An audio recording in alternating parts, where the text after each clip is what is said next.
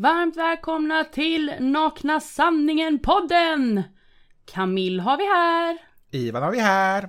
Hur är läget idag älskling? Det är finemang. Vi är flummiga som vanligt innan inspelning. Men det är bra tack. Hur är det själv? Fantastiskt, måste jag ju säga. Vad skönt. Ja. Är det semestertider? Typ, ish. Är, det sommarlov? Eh, Typ, ish. Är det sommar? Jajamän. Ska vi åka till Grekland? Nej, Nej. Helst inte. Vi får stå ut med Sverige. Nej men Sverige är fint. Men skitsamma. Jag, ska jag har lovat att jag inte ska prata lika mycket som jag gjorde förra avsnittet. Så jag ska försöka vara kortfattad idag. Mm. Good luck with that. Thank you, thank you. Ja, men vilka är vi då? Ska vi köra en presentation som vi har gjort de tidigare gångerna med tanke på att vi fortfarande är nya och vi vi får in en hel del nya följare och lyssnare. Tackar tackar för att ni följer oss och lyssnar på våra ljuvliga stämmor. Tackar, tackar för att ni står ut med oss. Ja, Jag inte Stå ut med honom, Stå inte ut med med mig. mig. Ja, oss. Eh, Jag har inte hållit på jättelänge. Men eh, vi, vi, vi kör på. Ja, men vilka är vi då? Vi är eh, tokiga och Och knasiga. knasiga. Nej men vi är ett tokigt par som har mycket funderingar och tankar. Kort och gott. Kring allt mellan himmel och jord. Relationer, vardagsproblem, föräldraskap, kändisskap och mycket, mycket, mycket annat. Lite gott och blandat. Förra gången snackade vi om eh, pandemin, om demonstrationerna som pågår runt om i världen och idag ska vi prata om Föräldraskap. vilket betyder Eh, Hur ska en bra förälder vara, typ? Ish. enligt oss. Ja. Eller inte enligt bara, nej inte bara enligt oss utan nästan bara enligt oss kanske. Ja. Jag kan ta tillbaka det. ja. Vi, vi får se vad den här diskussionen och det här avsnitt eh, tar vägen helt enkelt. Glöm inte att följa oss på Instagram. Nakna sanningen på naknasanningen.se. Förlåt. är du lite... Har du inte vaknat? Jo, jag har vaknat, men jag tänker mig på vad vi ska prata om idag. Hur mycket folk kommer bli arga på oss. Ja, men det, det är sånt gillar vi. Vi gillar att röra om i grytan. Ja, ni får inte bli arga på oss. Ni får gärna, ni kommer, jag kan säga så här. Ni kommer nog inte hålla med om allting vi säger då. Och det, jag gillar sånt. Alltså ni får, ni får tycka och tänka precis lika mycket som vi. Och har ni åsikter och tankar där ni antingen håller med oss eller inte håller med oss. Så eh, mejla oss. Eller eh, ja, eh, skicka en, en kommentar på Instagram eller något annat dylikt. Eh, vad har vi för mejladress då? Mailadressen är hej naknasanningen.se. Jag har inte fattat att det är den mejladressen vi ska an- använda. Förlåt. Dela snabel naknasanningen.se. Alltså båda funkar. Det är bara att jag har fastnat för hej och du har fastnat för dela. Ja, och Men- anledningen till varför den heter dela är just för att vi vill att ni ska dela era åsikter och tankar kring allt eh, skitsnack vi pratar om. Och varför den heter hej är för att jag tycker det är lätt att komma ihåg. Hej! Och så snabel naknasanningen.se. Nu har jag så mycket mailadresser i huvudet och annat så att, vet du vad? Jag tycker vi kör nu. Yes, nu kör vi!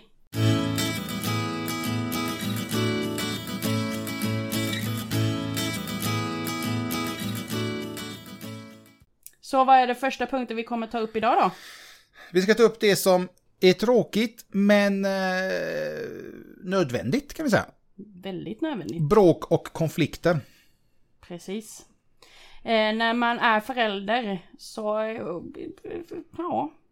Det är ingenting man kan undkomma liksom. Det är ju en del utav föräldraskapet. Bråk och konflikter uppstår. Eh, vare sig man är eh, mamma, pappa, bonusförälder eller alltså vänner sinsemellan, par emellan. Familj, släkt, vänner, ja, allt. Men i det här fallet så handlar det om föräldraskap. Eh, vi har ju pratat om att det daltas rätt mycket med dagens barn och ungdomar. Det är för mycket silkesvantar eller handskar, hur man nu ska se det, kalla det. Eh, och eh, hur eh, ska man hantera som biologisk förälder när bonusföräldrar bråkar med barnen? Det kan ju, det, det, du, har ju, du har ju varit i den situationen kan man säga. Vilket? Eh, hur, eh, hur, eh, jag är ju bonusförälder. Du är ju bi- biologisk förälder ju. Mm. Jag har ju varit, jag inte, men det blir ju bra. Alltså man säger till grabbarna och de lyssnar inte och så blir det lite tjafs.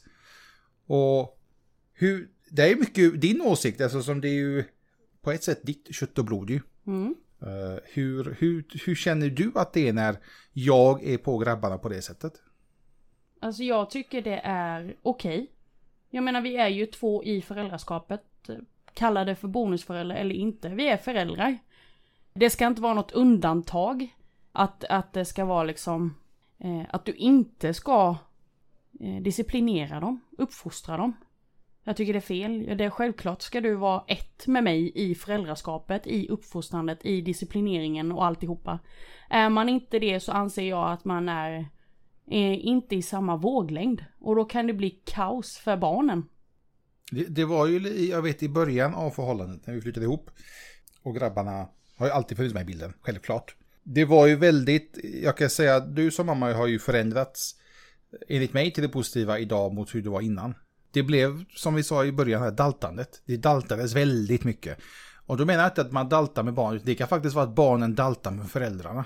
Mm. Mamma, jag vill ha detta och så får de det. Och så, Nej, men jag vill inte ha det nu. Alltså. och det köper inte jag, tyvärr.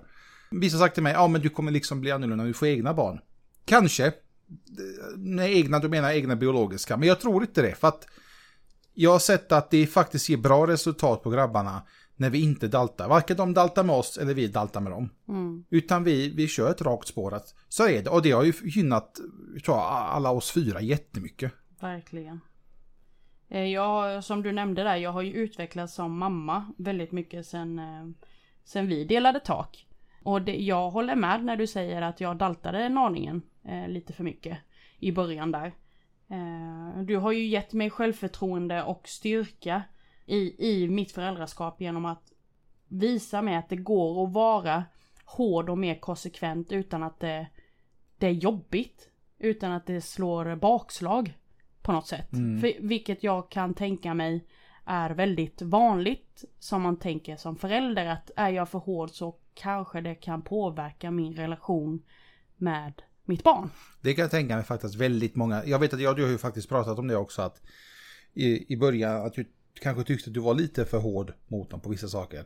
Nu, ska ni inte ni tro att det, hand, det handlar absolut inget fysiskt utan det handlar bara att eh, sätta dem lite på plats. Att liksom visa att det, det funkar inte att göra all, man kan inte göra vad som helst som ett barn.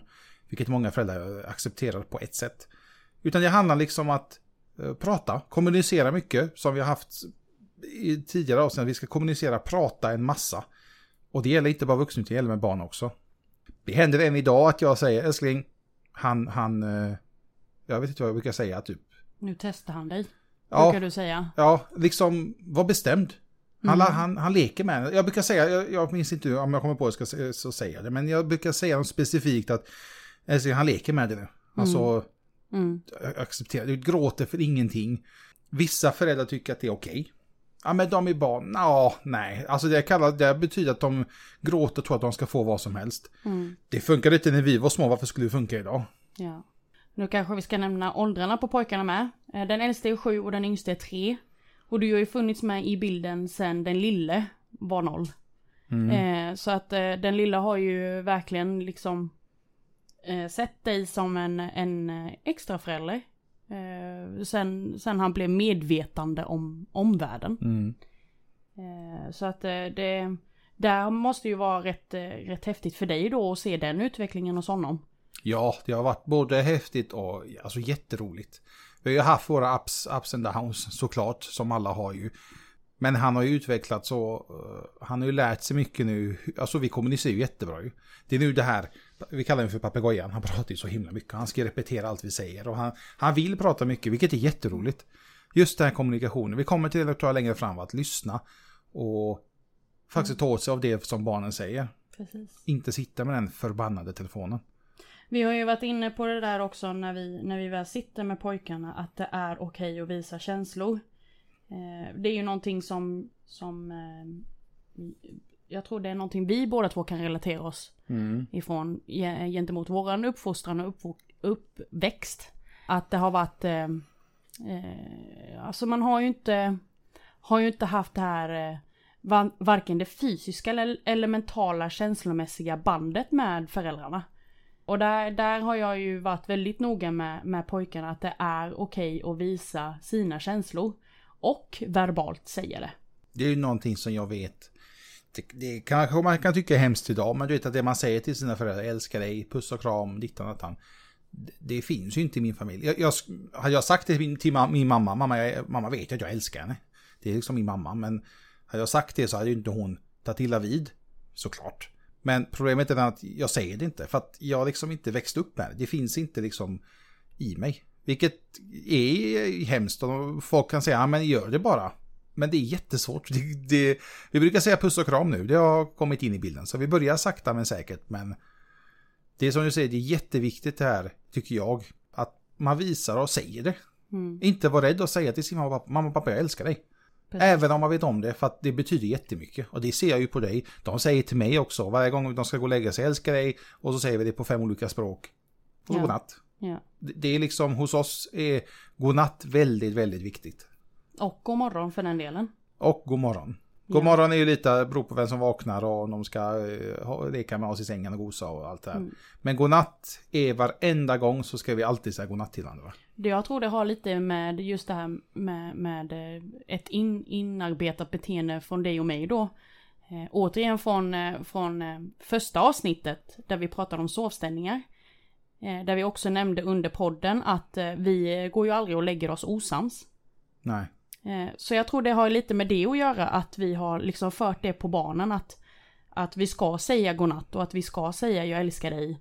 Eh, och kramas och pussas just för att vi skiljs inte som ovänner. Mm. Även om vi kanske har bråkat, eh, inte bråkat, men haft lite konflikten minuten innan. Så det är ändå godnatt. Det är lite sura miner, men de vet att innerst inne så vill vi bara deras bästa. Och det har vi sagt till dem tusen gånger. Precis. Hur mycket vi än tjatar och hur jobbiga vi än är så vill alla föräldrar sina barns bästa. Mm. Jag kan inte tänka mig något annat. Mm. Jag vet ju också att eh, äldsta pojken har ju lite som, eh, han har ju fått det här in med dig i alla fall innan du eh, pussade honom godnatt, att han vill prata ut. Ja. Och det brukar vara väldigt djupa diskussioner. Då brukar inte jag vara med i rummet, men de brukar ropa in mig och så diskuterar vi. Mm. Eh, och så brukar vi egentligen bara att det, det kan vara för barnen en jättestor grej, lika stor grej för oss. Men att man på något sätt måste bearbeta med dem. Det är jättesvårt att förklara, men jag, jag vet att vi har ibland tagit upp det vid frukostbordet och pratat vidare. Mm. Och ibland vill han prata, prata om det, ibland inte. Eh, ibland vill han prata med, med mig, ibland med dig. Så det, det är jätteolika. Ja. Men verkligen ge dem chansen, barnen, att få prata ut om allt de tycker, tänker och känner. Och vara närvarande. Det är verkligen superviktigt. Jag vet att det är lätt hänt att man blir distraherad av sin sin skärm. Vare sig om det är en klocka vi pratar om, telefon eller eh, tv-skärmen eller dataskärmen. Försök att vara närvarande när ditt barn eller ens barn tar kontakt med dig. Och var, var inte rädda att säga att, som föräldrar, säga till den andra, lyssna, lägg undan telefonen. Jag, bruk, jag, jag kan ju ärligt säga, jag kan vara ibland lite dålig med att jag lyssnar, men jag har telefonen framför mig. Vilket är jättenonchalant och det vet jag. Och då brukar ju du säga till mig att älskling, telefonen. Okej. Okay. Och då lägger jag undan telefonen och all fokus på ungen. På barnen, pojkarna. Och det kan vi också relatera till avsnitt två var det va? Kommunikation. Lyssna ja. för att svara eller lyssna för att förstå. Och där ska man, blir man förbannad där, då ska man inte ens prata, då ska, inte, då ska man egentligen inte ens ta sig själva tiden som vissa ser det som. Och låta barnen få prata med dig som förälder. Ja, jag menar om den jävla telefonen är så viktig. Ja, på det... tal om, om skärm. Eh, när vi var på XXL eh, häromdagen för att titta, leta upp en cykel, det här ständiga cykeljagandet. Ja. ja. Så var det en, en mamma där och en dotter som var precis vid cykelavdelningen. Och så ville dottern visa någonting till sin mamma. Eh, det var en sparkcykel. Och mamman höll telefonen i handen. Skärmen var igång. Förmodligen någonting eh, hon gjorde där, men kunde liksom inte. Hon var stressad inom situationstecken väldigt eh, eh, ignorant. Inte närvarande och verkligen så här. Nej, vi har inte tid nu. Vi, vi, vi, ja. Och så här. Typ schasade bort hennes eh, uppmärksamhet lite och det där tog emot mig för att i samband med när hon sa nej, vi har inte tid nu så tittade hon på telefonen liksom. Och det var, hon var ju ganska liten, jag tror jag, jag såg de jag två också. Jag tror du såg mig att jag reagerade på ja, henne. Uh, hon var inte gammal, den här flickan, fyra fem år kanske. Ja, något äldre än vår. Och jag menar de här jävla telefonerna, ständiga tjatet, de kan inte vara så jävla viktiga. Det, det är ju inte många sekunder du behöver lägga undan en, om det nu är så viktigt för att svara ditt barn den här fråga. Och man behöver inte vara så otrevlig. Om vi nu ska lära barnen att inte vara otrevliga mot oss, då ska ju inte vi vara otrevliga mot dem heller. Verkligen inte. Jag menar, det det är ju ganska logiskt och ganska enkelt. Men det verkar inte som att alla riktigt har fattat det. Nej, Tyvärr. tyvärr. Barnens utveckling. Eh, många olika saker påverkar ett barns utveckling. Där har vi både familjen, skola, kompisar, kultur och samhälle. Eh, liksom medfödda egenskaper att ta hänsyn till. Ja, vad säger vi om det? Eh, Jag tänker mest på skola ju. Mm. Jag är lite gammalmodig kanske. Men just det här med att hänga med i skolan. Mm. Eh, Just nu när vi har sjuåringar som ska börja ettan. Mm. Jätteduktig med bokstäver, skrivandet, läsandet. Alltid lika sjukt imponerad hur utvecklingen går efter varannan vecka han kommer till oss. Alltså det är... Jag Det- kommer ihåg när vi sa till honom i julas. vi- Jag, jag kommer aldrig glömma det när han frågade, vem, jag vet inte, han kunde inte läsa vem julklapparna var till. Han hade lärt sig ungefär namnen, hur det ser ut, men han kunde inte läsa, läsa själva namnet. nej. Och jag sa till honom att om du lär dig läsa till nästa jul så kommer du veta allt detta. Du kommer veta exakt hur många julklappar du kommer få, vilka det är, hur stora de är. Lär du dig läsa så är det inga problem. Samma sak med tv-spel. Han älskar ju tv-spel. Jag älskar också tv-spel. Jag sa det, om du lär dig läsa, så fort du lär dig läsa, lär dig läsa engelska, eh, svenska, du går över till engelskan och tv-spelet kommer bli en helt annan grej för dig. Helt, mycket, mycket roligare. Och jag tycker det var så otroligt mysigt nu när vi, har, när vi, jag har tagit initiativet att läsa med honom varje dag. Eh, han fick en, en rätt avancerad bok utav mig att läsa. Där han bland annat också lär sig mer om själva hushållet. Hur Mm. man ska sköta den. Eh, alltså hur man ska bädda, hur man ska städa ur ett barns perspektiv. Och det sitter han och läser beroende på hur mycket text det är. Är det mycket text så är det bara en sida. Det lite mindre text så är det två sidor. Det är väldigt mycket bilder med i den här boken så att eh, det, det, det gynnar honom. Men det, det är det jag menar, tror du att det finns, eller det vet vi att det inte finns, men att det inte finns majoriteten att de tar sig, inte tar sig tiden, tycker det låter så fel att säga ta sig tiden att vara med sitt barn, men att man sitt, sätter sig ner och läser eller barnet får läsa åt föräldern. Mm, Jag säger inte att det, att det inte finns, mm, men jag tror tyvärr inte att det är lika vanligt kanske som när vi var små eller däremellan. mm, Vilket är hemskt för att vi vill ju att de ska lära sig att läsa och matte och allt det här. ja, Och kan de inte det, då skyller vi på skolan. Eh, och skolan säger, ja men vi har försökt och vi har gjort detta och detta. Men det liksom, det finns någonting, den har dyslexi, den har svårt för att läsa. Det, det är inte det det handlar om. Det handlar om att ge tid och faktiskt eh, kämpa och jobba med det. mm. Men det här med eh, så kallat ta sig tid. Jag är också allergisk mot det ordet. Jag menar man har ju valt att skaffa barn av en anledning. För att man vet vad man ger sig in på. Hoppas jag. Att det inte bara är gulligull och puttinutt. Utan det är väldigt mycket mer än bara gulligull och puttinutt. Det är ett jättestort ansvar. Lika stort ansvar om inte större om man jämför med när man ska skaffa djur. Jag menar det är ju inte bara gulligull och puttinutt för att man köper en puppeluppi. Alltså En valp en valp, ja förlåt. En valp eller en kissemisse. Valpen och kissemissen blir ju också stora och är inte lika eh, gulligull så. Precis som barn. Eh, små bebisfötter, jättegullig och mysig att sniffa på men de där blir eh, ja, håriga och får förhårdnader med tiden. Men det blir, det blir lite som, jag gissar på att dina föräldrar också sagt det. Små barn, små problem.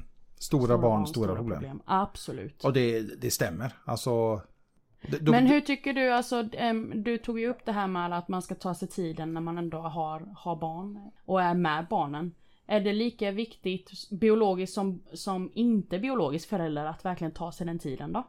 Eller tycker du att, eh, ja men bara för att man är bonusförälder så ska man ha, behöver man inte ha det ansvaret på samma sätt? Nej, jag tycker att om man nu väljer att... eh, jag, jag, jag minns när du sa till mig när vi pratade att det, det, jag, tillsammans med dig så är det inte bara du utan det finns alltid två grabbar som kommer följa med. Vilket betyder att då accepterar man och respekterar man att man faktiskt måste älska dem minst lika mycket som man älskar dig, enligt mig. Det är min åsikt. Ja. Jag kan inte bara älska dig utan det, de två kommer alltid finnas med vid din sida.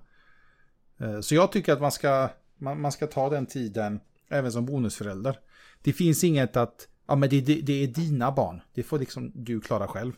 Det kan jag ju säga i början av relationen, det, det var ju inte lätt för oss. Nej, det var jag, inte. det var, jag hade ju mycket spöken i huvudet och det var jobbigt och liksom varför skulle de respektera och tycka om mig och liknande. Men allt det kom ju. Alltså jag såg ju på grabbarna hur, vilken fin dialog vi hade och hur vi pratade och hur de, eh, bara, när jag inte var hemma vissa gånger att de ifrågasatte, men vad, vad är Ivan? Varför är inte han här?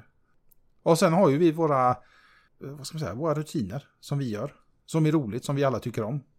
om som, som inkluderar oss allihop. Det, jag har ju sagt det tidigare att kontrasten när, när grabbarna är hos oss och inte, alltså den är enorm. Jätte. Det är liksom eh, på både gott och ont. Eh, Det är klart att saknaden finns. Det, det, jag tror inte det finns någon förälder som inte saknar sina barn när den är hos eh, pappan eller mamman. Men vi, gör, vi, vi är så syssels, vi gör alltid någonting när grabbarna inte är här. Och sen när grabbarna är här, då gör vi alltid, någon, då gör vi alltid någonting med dem. De är alltid inkluderade i det vi ska hitta på. Jag får ju den frågan ibland. Ja, nu sitter jag här och har tårar i ögonen. Eh, jag får ju den frågan ibland att, vad, men alltså vad gör du när du inte har ehm, eh, pojkarna hemma? Och jag bara alltså, säger, vi dränker oss i jobb, typ. För att det känns som att vi jobbar i kapp allting som vi inte har kunnat jobba med när vi har barnen. Eh, och sen så när vi väl har barnen så har vi bokat upp oss på olika aktiviteter och träning och all, annat dylikt. Så att det finns ingen vecka eh, där det egentligen är mindre att göra. Nej, det, det enda, jag kan säga att enda gångerna oftast, vi säger när vi är hemma någon helg, det är om det är riktigt skitväder. Mm. Ibland, inte alltid. Ibland kan vi få för oss att vi åker och spelar paddel. Mm. Eller vi åker till, eh, till grabbarnas eh, morfar, Moffe. Mm. Det finns alltid någonting som vi hittar på ju. Om barnen såklart inte är sjuka. Mm. Är det sjuka så är jag ju stenhård att tyvärr, men är det sjuka, ligg i sängen, ha tråkigt. Alltså att vara sjuk betyder inte att du ska ligga hemma och ha spelat tv-spel och du ska kolla på filmer och du, du ska äta massa gotte. Det är klart att du kan göra det, men jag växte upp när du är sjuk och du inte kan gå i skolan. Då Då ska man vila. Vila, ligga i sängen, läsa en bok, glöm tvn. Precis. Ja, det, det är hårda bud hos oss. Men det har man ju märkt att så är det ju inte i, till exempel då i det andra hushållet. Där har vi ju märkt att det är lite slappare. Men där kan vi inte påverka någonting. Jag menar herregud, det är ju, det är ju här hos oss som det gäller. Eh, och där får de ju också veta liksom konsekvens av, av allt typ. Nej, jag har ju märkt tydligt hos eh, grabbarnas kompisar också hur det är i hushållen. Vissa är jätteduktiga, verkligen Mm. kan bete sig. Mm. Andra lite mindre. Jag säger inte att det är barnens fel, alla barn är ju såklart olika. Jag har ju mina bröder har ju, jag har ju två äldre bröder som har två barn var. Jag kan inte säga att eh, de, de är änglar precis allihopa. Men de lyssnar, precis som alla andra barn när man väl pratar med dem. Om man faktiskt pratar med dem i ett tonläge så att de vill lyssna. Så blir det jättebra. Skrika och allt det här, det där, då är det bara överdrift. Alltså det, man kan prata med dem till en nivå att de faktiskt vill lyssna och kanske ta åt sig det man säger. Det här med utvecklingen. Alltså, jag har ju också märkt i skolans värld så lägger man väldigt mycket tyngd och ansvar till att eh, barn och elever ska, ska utvecklas mer på, på skolan än vad de gör hemma. Tycker du det är rätt eller fel? Jag tycker det är fel. På vilket sätt? Jag menar men de ska, vad ska de göra hemma då? Ja, det... Jag tror det är det som blivit mycket, ganska stort fel idag i skolan. Jag är inte så jätteinsatt hur skolorna ser ut idag, men jag har ju hört, du har jobbat i en skola, eh, vi, har, varit med i en styrelse eh, i en skola.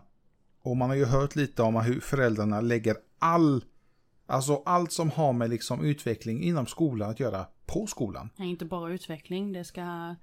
ehm, skolan ska liksom lära dem att veta vad... Alltså... Vett och etikett. Vett och etikett har hamnat liksom på skolans bord och jag känner att mm, varför har det hamnat på skolans bord? Borde inte det ligga hos, hos föräldrar? Det, det, jag, jag förstår att eh, man, man vill att skolan ska lära barnen att eh, läsa, skriva och matte säger vi. För att ta det, är det enkelt. Men skolan hjälper ju till att de ska lära sig. Sen är det ju upp till vi som vuxna att fortsätta få dem utvecklas och läsa och skriva och matte och allt det här. Inte att de kommer hem och kan sitta och spela Fortnite och Minecraft och sen gå till skolan sen nu ska jag... Liksom det, det funkar ju inte. Det vet ju varenda vuxen egentligen. att så är det ju inte. Det, så lär man sig inte. Du, du, när du går en kurs, eller om du går en kurs i utbildning, det, är att du måste plugga liksom efter kursen och utbildning också. Hemma, i biblioteket, på ett café. Mm. Och läsa och nöta och nöta tills man kan det.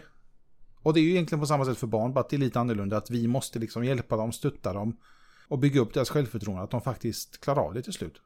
Jag menar värdegrunden eh, startar ju liksom inte bara för att de börjar på skolan. Utan den startar ju redan när man har fött barnet. Kan jag tycka. Mm. Den byggs redan där.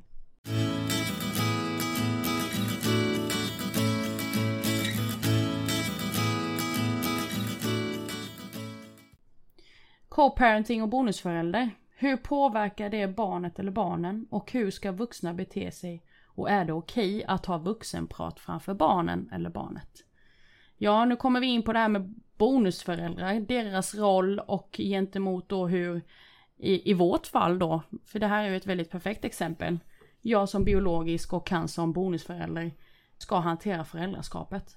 Hur tror du det påverkade pojkarna när eh, vi inledde vårt förhållande? Jag tror att du gjorde, eh, det, tycker jag nästan du ska berätta hur du gjorde från första början. Det, jag vet inte hur andra gör, men jag kan tänka att många liksom chockar barnen, om man kan säga så. Liksom att jag har träffat en ny och den ska flytta in om en vecka. Eller här är eh, mammas nya kille.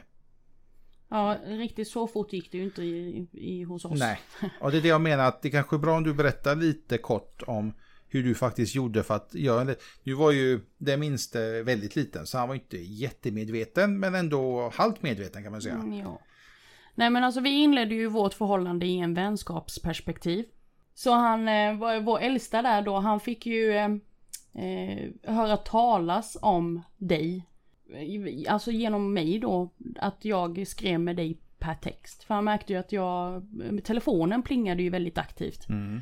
Eh, och då berättade jag ju för honom då att, ja men jag har, mamma skriver med en kompis. Och sen så undrade han ju lite mer vem du var. Eh, och, och om vi träffades och hur, alltså ja allmänt nyfiken på vem du var. Och när jag berättade lite om dig då så blev han ju också mer och mer nyfiken på när ni skulle ses, vi skulle ses allihopa. Men det var ju alltid ständigt lite baby step. Jag var ju den, och du med för den delen, som bromsade honom. Och oss. lite i det, för att vi ville inte att det skulle gå för fort fram. Där, där var vi ju väldigt försiktiga. Vi, vi tog verkligen, även om, om eh, den äldre pojken ville att vi alla skulle träffas, eller han ville, jag och han skulle träffas, så, så tog vi verkligen, alltså vi tog det jättelugnt. Och vi valde väldigt mycket också att inte göra eh, saker förhastat. Utan även om han ville, och jag också ville, eller vi alla egentligen ville, så valde vi att nej men vi, det, det får ta sin tid. Det får ta lite tid nu. Alltså vår, vår kommunikation sinsemellan alla tre, för det var ju ändå tre det handlade om. Den fjärde var ju som sagt en liten bebis och inte så jättemedveten om hela omvärlden. Men det var tre personer i det här fallet. Jag läste ju upp vissa texter där du skrev ett, ett meddelande till honom då. Där du, där du ville berätta lite kort om kanske din dag eller frågade honom hur han mår och vad han har gjort och, och så vidare. Från att vara textkommunikation till att skicka bilder. Vilket ni gjorde ju. Ni gjorde flumbilder sinsemellan. Vi använder ju de här eh, ani- Animoji eller vad de kallas. Precis. På iPhone-telefonen. Precis. Till att ha den sortens kommunikation. Till att sen då ha Facetime. För det var Facetime som egentligen blev det stora klivet för oss då ju. Mm. För, för oss som par och för, för oss som familj. Blivande familj. När, när det väl togs emot så himla positivt ifrån den äldste. Så var det ju absolut eh, jättehäftig känsla. Och då får ni tänka på att då har vi fortfarande alltså inte träffats fysiskt. Utan det är fortfarande, det är, vi har kommit till Facetime, vi pratar, vi flummar. Han tycker om som sagt tv-spel, han gjorde det även då. Eh, jag tyckte om tv-spel, jag spelade, han tittade på.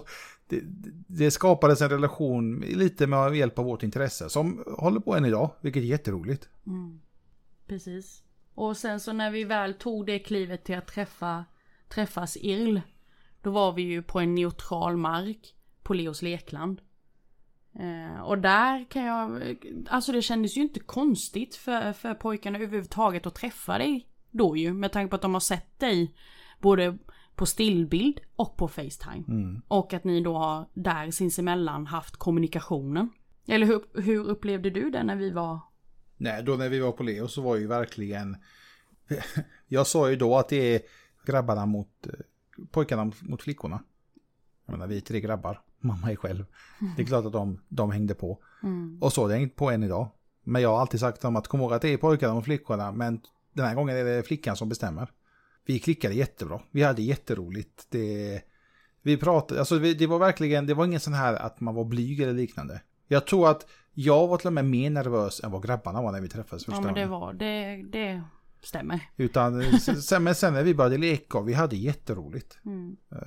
Sen, började, sen kom ju det jobbiga i att när ska vi träffas igen? När ska vi hitta på någonting igen? Ja. Det var egentligen det som var mer jobbigt för vår del som vuxna. Eh, Han, han ville ju bara ha mer. Ja. Och det ville ju vi med såklart. Men vi ville verkligen ta det försiktigt, ta det lugnt. Eh, inte pusha det för mycket och inte, jag vet inte man ska säga, tjata ut det. Men liksom, så man inte tror, så inte han ska ta det något tillfälligt. Nej, och där, det pågick ju nästan ett års tid. Ja, Den, eh, den processen. Eh, han var ju mer mottaglig för att det skulle ske liksom tidigare. Men vi var tvungna att vara den som backade lite och fick bromsa honom med att, ja men hejda dig. Alltså, vi kommer bo tillsammans snart. mm. Det kommer.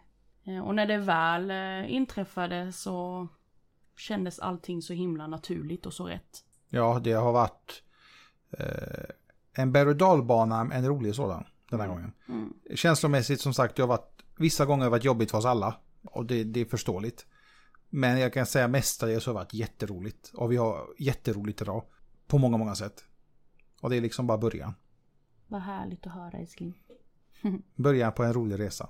Det, det jag kan tänka mig som många där ute som bonusföräldrar, som jag kan berätta lite som bonusförälder, eh, som jag tycker man ska tänka på är, man ska aldrig nedvärdera eller prata illa om, vad ska man säga, nu beror det på om man är pappa eller mamma ju, men eh, barnets, eh, det vi säger som i mitt fall, eh, grabbarnas eh, biologiska pappa. Jag har aldrig talat illa om deras pappa, för ingen anledning. Jag, jag tycker han, i min värld är det en skön kille. Han kanske gör vissa snedsteg som jag tycker inte passar. Men det är hans sätt att göra det på ju. Och jag talar inte illa om honom till grabbarna. Utan, för det är fortfarande hans pappa, det kommer alltid vara deras pappa. Och det har jag sagt till dem. Det, och det pratade vi mycket om innan också när vi väl flyttade ihop. Att det är klart att pappa kommer alltid finnas med i bilden. Och det tycker jag är viktigt att man inte ska tala, tala illa om barnens biologiska föräldrar. Och liksom försöka lyfta sig själv. För jag kan säga att du skjuter dig i foten. Du kommer bara göra mer skit än vad du gör nytta. Jättebra sagt älskling. Det du ska hylla, eller, eller inte du ska inte hylla utan dina handlingar ska göra att barnen kommer hylla dig i slutändan. Ja. Och det är någonting som jag aldrig, jag har aldrig haft tanken på att, för jag kan faktiskt säga att barnets biologiska pappa har väldigt sällan varit eh, otrevlig, eller vi hälsar och vi pratar allmänt. Jag vet att kanske inte är det mest, det mest äkta, det är lite halvfalskt. Men vi, vi, inte, vi, vi har inget illa, när vi ser, ses vi så hälsar vi och pratar. Och det märks på grabbarna att de uppskattar det också. Jag menar, tänk dig själv om vi skulle träffas och grabbarna är med och de tänker, åh, nu ska eh, mammas eh, eh, kille träffa min pappa och nu kommer de bråka och de kommer tjafsa. Liksom, det blir ju jobbigt, det blir stress för barnen. Ångestladdat. Ja, exakt. Mm. Nu blir det inte så. Det, jag, tycker, det, jag tycker det är skönt, jag tycker att man ska... Jag vet att det inte alltid är lätt. Jag vet många, vi har vänner som har det tvärtom, att föräldern kanske pratar illa om bonusföräldern. Det är lika fel det. Om nu den mamman eller pappan har valt att leva sitt liv med en annan, då får man alltså respektera och acceptera det. Sen om man nu har en förälder som byter partner varannan månad, då kanske man ska ta ett snack som två vuxna sinsemellan liksom. Alltså, vad gör du? Ja.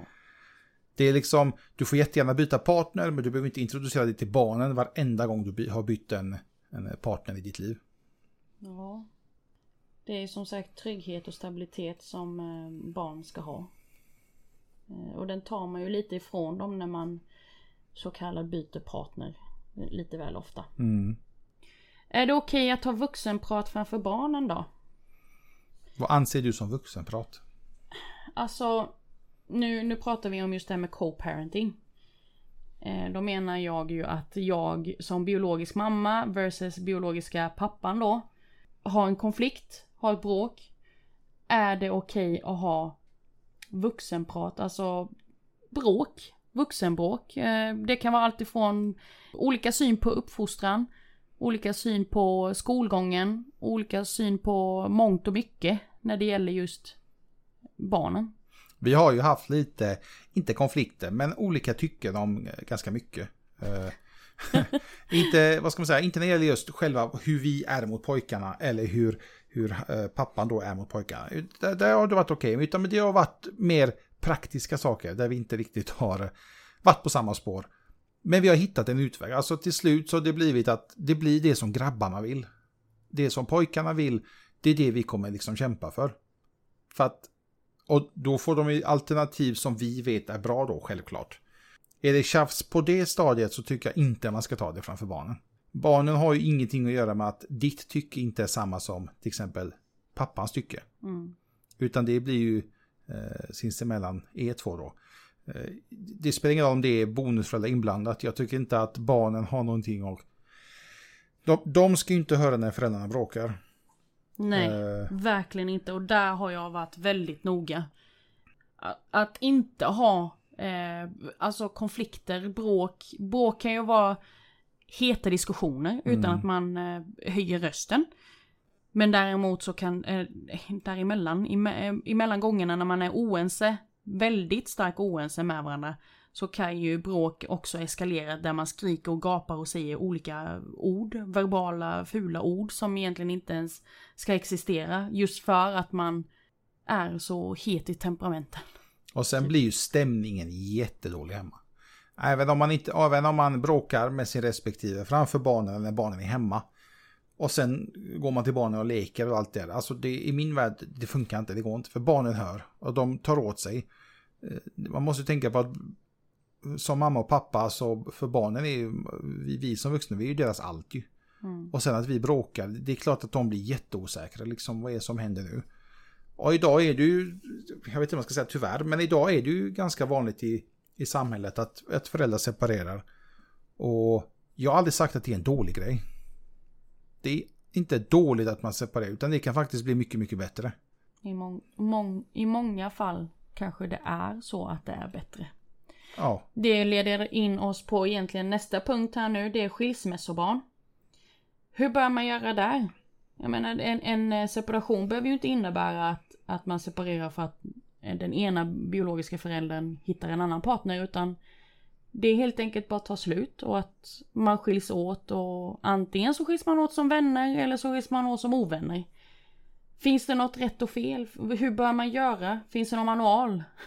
Nej, det, det, det gör ju inte det. Det finns ingen bok så här, så kryssa en checklista.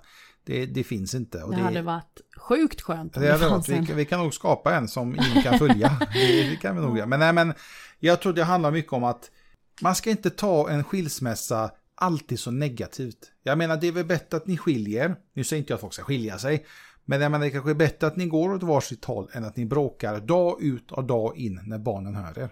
Det... Och många gånger av, eh, av fallen där skilsmässor sker är återigen på grund av kommunikationen. Mm. Kommunikationen, känslorna svalnar, eh, man har helt plötsligt växt ifrån varandra.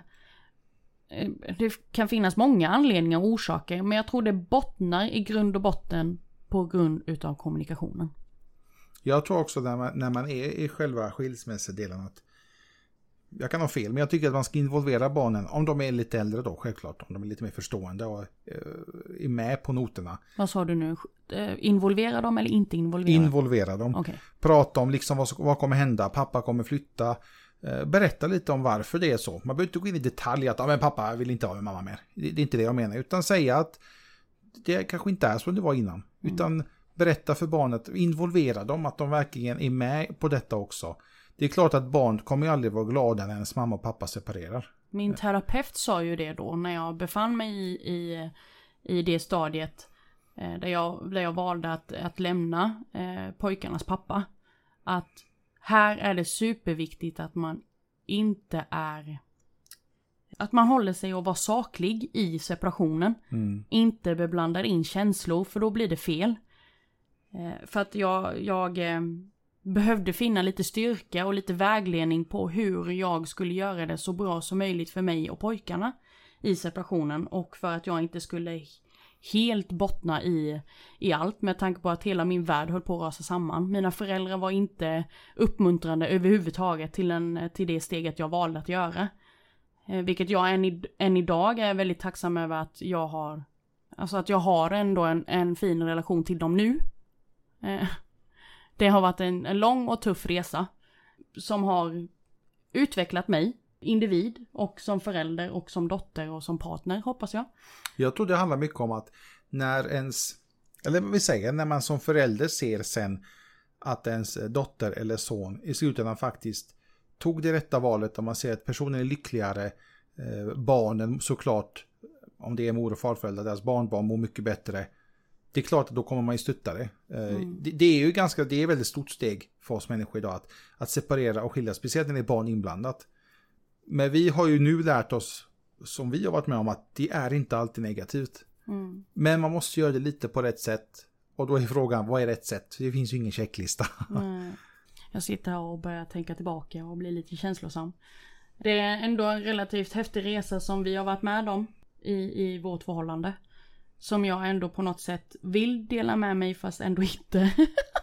Man vill ju dela med sig av det, Erfarenheten vi har med oss. ja, Ja. Eh, lite om hur, hur, eh, hur vi gjorde. Som, som jag sa, att vi, man förberedde eh, grabbarna på sätt och vis. Mm. Eh, kommunicera, pratade jättemycket. Gör det än idag. Och inte ha som bonusförälder den här pajkastningen.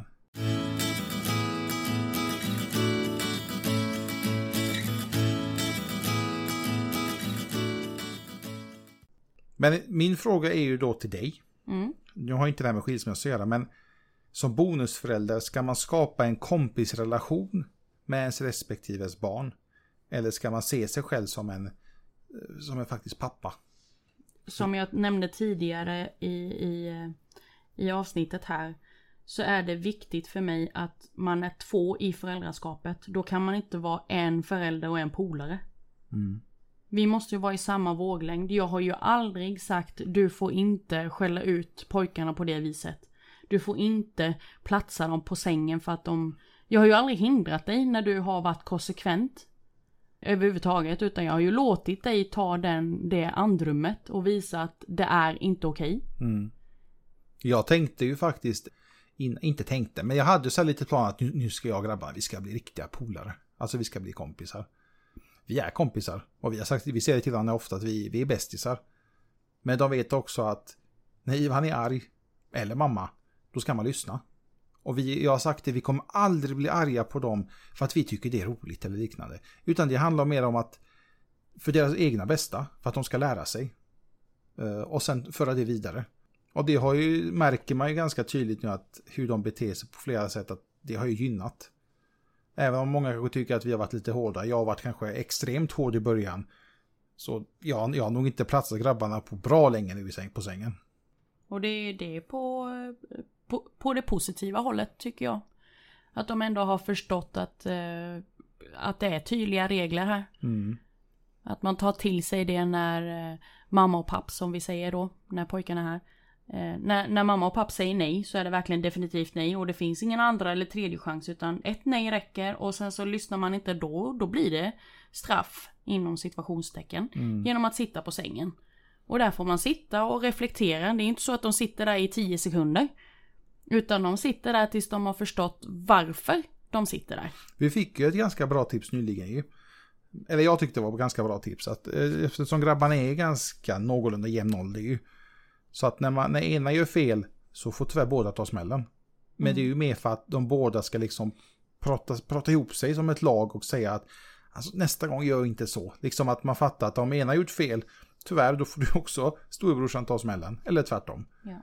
Och det, det, jag tyckte det var ganska bra. Nu har ju inte vi behövt platsa dem särskilt mycket. Utan vi säger till dem, sluta, alltså grabbar det räcker nu. Det, det behövs inte mer. Och då, då de slutar. Ja.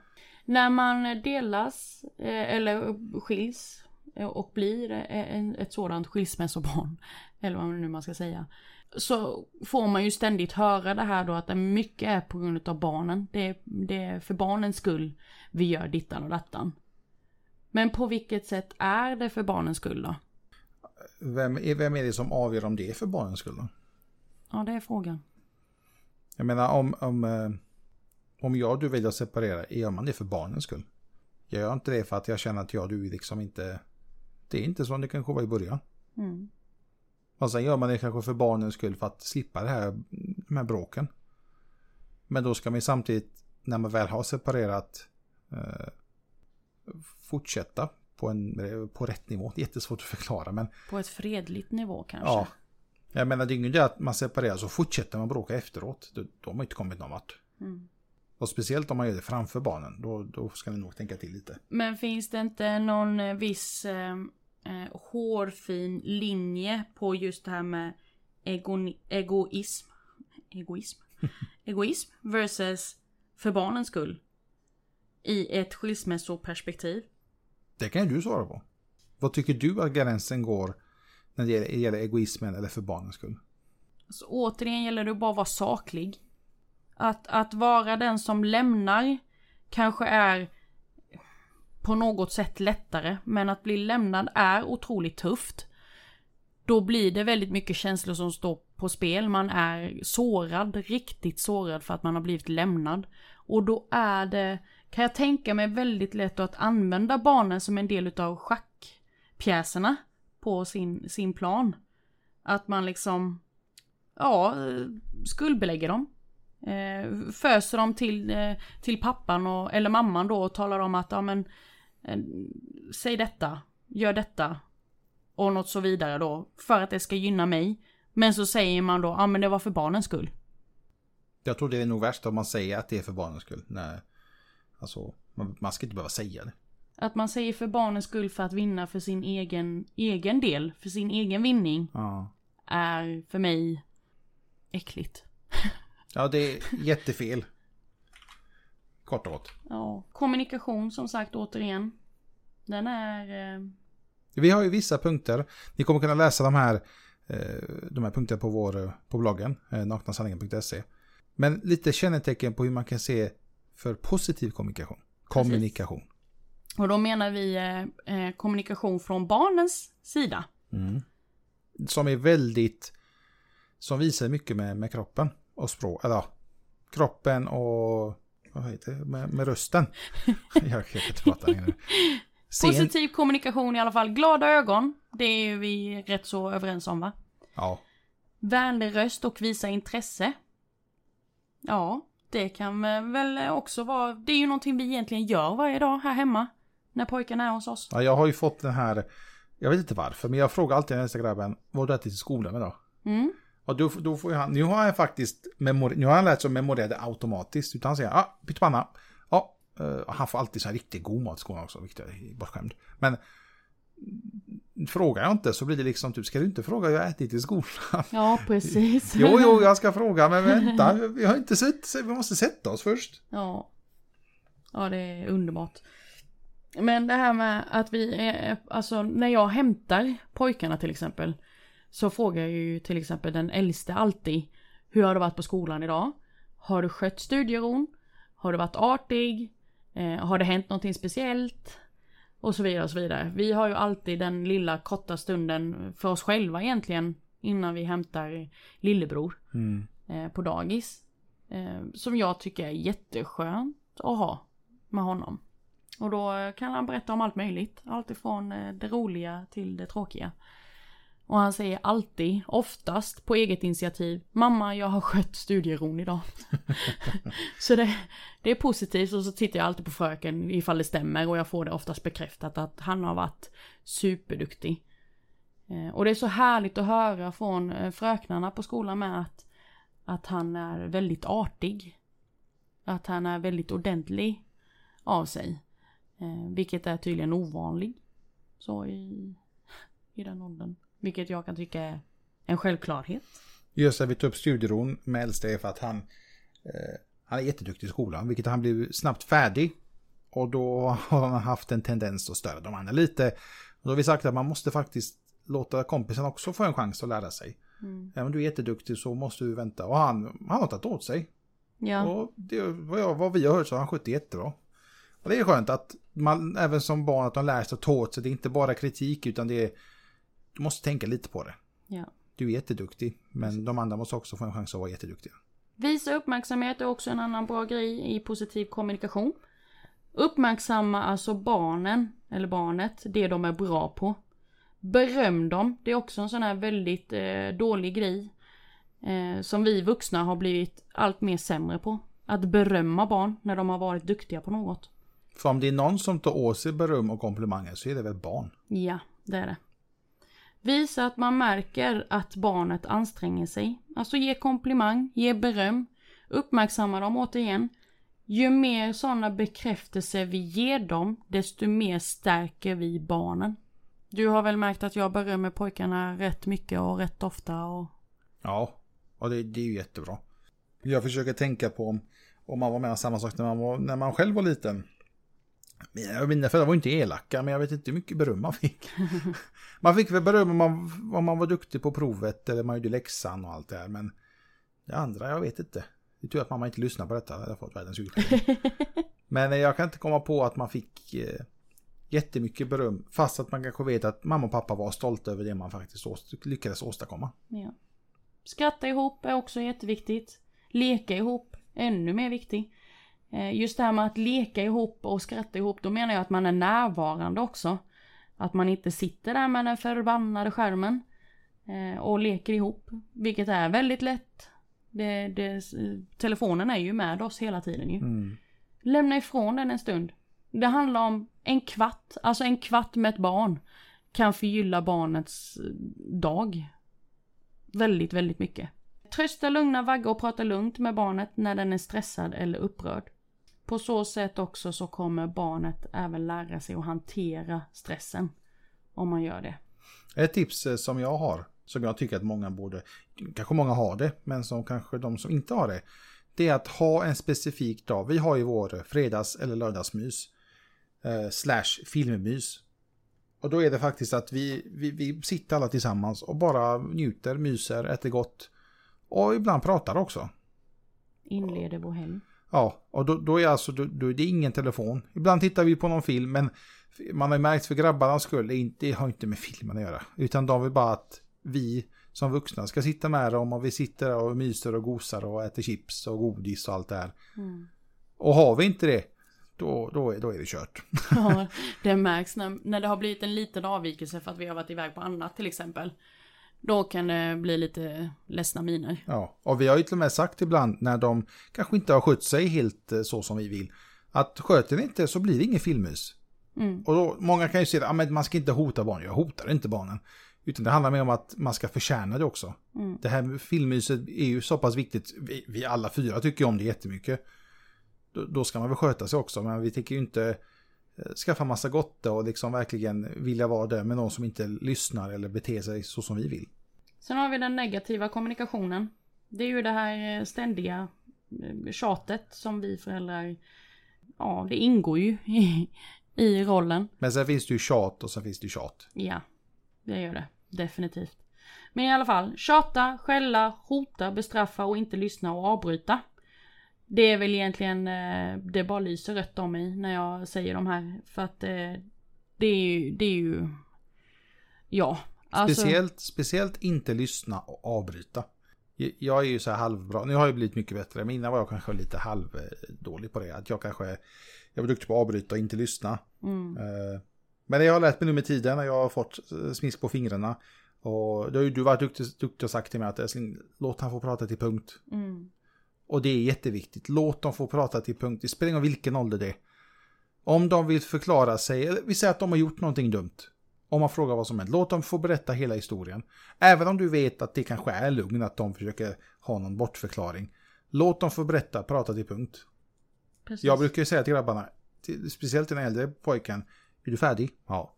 Det stämmer inte. Jag har ju hört allt ni har gjort. Mm, Och då blir de ju tysta. Oj, ljug inte. Det är det värsta. Och det, alla vet att lugna ha- hatar vi ju.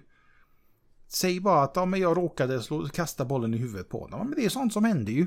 Och det har vi ju sagt till grabbarna, man slår sig och vi kommer, vi vuxna slår ju oss också. Så att, att inte lyssna, att inte lyssna är nästan ännu värre att inte, än att avbryta. Och speciellt att man, man ska aldrig säga att jag har inte tid nu. Alltså, Mm. det är, då ska jag ge den vuxna en riktig örfil. Vadå inte tid? Vad är, det som är så, vad är det som är så jävla viktigt att du inte har tid att lyssna på ditt barn? Mm. Prata inte nedvärderande till barnet. Eh, här är lite exempel då som, som eh, du förstår inte, du kan aldrig lyssna, du kan aldrig sitta still, du gör mig galen och så vidare. Där har jag ju också varit lite, det är en ständig påminnelse till mig själv. Det är väldigt lätt hänt när man är stressad eller har mycket att tänka på, mycket att göra. Att verkligen inte säga sådana typiska små fraser. Och där, där, alltså det, vi är inte mer än människa. Eller? Nej men jag tycker att är man riktigt frustrerad och arg och allt det där. Säg till barnet, alltså platsen eller någonting tillfälligt tills du har fått lugna ner dig. Mm. Jag vet inte, jag, jag själv garanterat varit riktigt stressad, arg, förbannad och sagt grejer man verkligen inte menar. Och då, då, då får man ju, om man har lite vett, skuldkänslorna kommer ju. Jag kan säga det här med att prata nedvärderande, det är ju väldigt vanligt eh, bland vuxna. Mellan vuxna sinsemellan. Mm. Eh, när, när jag försöker ha kommunikation med dig älskling, så kan det hända att, att du pratar på det viset. På de här olika fraserna som jag rabblade upp här nu. Men Du förstår inte, du kan aldrig lyssna. du... Nej. Nej. Jo, jo det är sådana, det jo men det är helt... Lyssna på mig nu, ni Okej. som lyssnar på oss. På podden. Jag säger ja, okej. inte, inte han som sitter där borta. Han hör mig ändå. Men, alltså det är på riktigt, det är sant. Det här är väldigt vanligt, kan jag tänka mig, förekommande i relationer. Partner sinsemellan, att när man har en hetsig diskussion eller är mitt i ett bråk eller eh, ja, konflikt allmänt. När man inte är överens så är det så typiskt att säga du förstår inte. Du kan aldrig lyssna. Du lyssnar aldrig. Ja men vad vinner man på? Det har jag till och med sagt till dig en gång. Men det har väl inte jag sagt. Nej men jag, nej, jo, det upprepande med gånger älskling. Strunt samma. Det har jag ju sagt, jag har ju sagt till dig, eh, inte för allt länge sedan. Där jag bara, men älskling, nu måste du sluta för nu pratar du väldigt nedvärderande. Men det brukar oftast vara när jag är hungrig. Kommer du ihåg det? Kommer du ihåg att jag sa Ja, till dig ja, det? det här? var häromdagen. Ja, precis. Men det var inte, ned, det var inte nedvärderande. Jag brukar alltid förklara mig vad jag menar. Nej, du tycker att nej. vissa saker är så nedvärderande. Som jag inte alls, jag menar aldrig att prata ned, nedvärderande och, och mot dig. Utan du tar det på fel sätt och då måste jag förklara Hur mig. kan jag inte ta en mening på fel sätt när du säger Du förstår inte, du lyssnar inte. Ja men Va? du lyssnar ju inte. Nu går vi vidare, klockan går. Nu har vi snart pratat i en timme. Okej, Va, vad har vi mer? Ta tag i barnet i vrede. Ja, precis. Det är ju inte heller okej. Inget fysiskt överhuvudtaget. Pussa, krama, eh, kittla, okej. Men allt det här som ger blåmärken och eh, rivmärken och allt det här, no. Märker ni att ni har så mycket aggressioner och frustrationer i er, sök hjälp. Ta inte ut det på barnen. Skrik inte på barnet heller. Det är också en... Alltså allt det här vi rabblar upp nu som är dålig kommunikation är väl egentligen... Eller dålig kommunikation, negativ kommunikation. Är ett frö som odlas i ett barn där de eh, förr eller senare inte kan ty sig till vuxna. Nu tror jag, vet du vad jag tror? Jag tror att många har den här uppfattningen. Vi tror att vi är de perfekta föräldrarna. Nej, verkligen inte. Ni ska inte tro det. Vi Nej, har tjatat. Eller vi inte. tjatar. Vi har skällt. Tro mig. Vi har hotat. Jag har hotat med att inte bli filmmus. Ganska enkelt. Bestraffa. Jag har platsat dem på sängen. Jättelätt. Inte lyssna och avbryta har jag, er- erkänner jag, var dålig på, men är mycket bättre nu. Eh, Prata nedvärderande, det kan jag inte påstå jag gjort, utan jag har sagt till äldsta grabben att du kommer förstå mig när du blir äldre. Och då kan det vara mer vuxna, alltså som han inte behöver veta nu. Eh, Ta tag i barnet i vrede, det, det kan jag säga att jag har gjort. Men jag har aldrig slagit, utan att ta tag i armen och liksom Här ska du vara, sätt dig på sängen och var tyst. Mm. Sen har vi pratat igenom, förlåt, vi kramas och pussas och vi, vi pratar, det är nog det viktigaste kan jag tänka mig. Det vet du, du har varit, varit, väldigt duktig med. Att man ska, efter man har platsat eller bråkat eller liknande, prata ut vad är det som har hänt, varför har vi bråkat och verkligen gå igenom det. Reflektera. Så Exakt. att båda parter förstår varandra. Och Ja. lika mycket som man skäller på ett barn, lika mycket kärlek ska barnet få också efteråt. När barnet säger förlåt, viktigt att veta, fråga barnet vad säger du förlåt till? Det vet jag att du, det har du lärt mig. Mm. Det, det får till och med jag förklara när jag säger förlåt. När du säger till mig, ja, men vad säger du förlåt till? Ja. Och så kanske det kan vara för att jag inte skalat potatisen. Ja, men det är inte därför du ska säga förlåt. Nej, okej. Då- Då är man på rut ett igen. Då är man börja om. ja. Så är det. Men vi kan prata jättemycket mer om detta. Eh, jag, jag, kan, ja, jag skulle gissa på att vi kommer nog ha mer föräldraskapsavsnitt längre fram i framtiden. Längre fram i framtiden. I framtiden. men eh, tyvärr, men vi måste runda av nu för klockan, eh, klockan tickar. Gör det. Men vi har pratat i över en timme. Oj. Ja. Så är det. Så att, vilket annat än tacka så jättemycket för att ni lyssnade gott folk. Lyssnat på våra knasiga tankar och åsikter kring dagens avsnitt. Det kommer ett nytt avsnitt varje torsdag. Torsdag. Torsdagar är den dagen Nakna Sanningen publiceras. Spotify, Podcast, Apple, alla möjliga. Där ni kan lyssna på podcast, där kan ni hitta Nakna Sanningen-podden. Precis. Följ oss på Instagram. Följ oss här. Maila oss. Dela med dig av eh, dina åsikter, tankar, tips på kanske lite samtalsämnen som vi kan ta upp längre fram. Mm. Som kanske passar oss. Ja, eller passa er. Eller passar er. Men jag tänkte mer på så att vi har något att prata om inte sitter här. Ja, Ja, vad tycker du om Ja. blommor och bin? mysigt. Mysigt. Eller något. Gott folk, tack så jättemycket för att ni har lyssnat. Kom ihåg, håll avstånd Tvätta händerna. och var rädda om er själva. Ja. Så Tack så jättemycket. Hej då! Hej hej!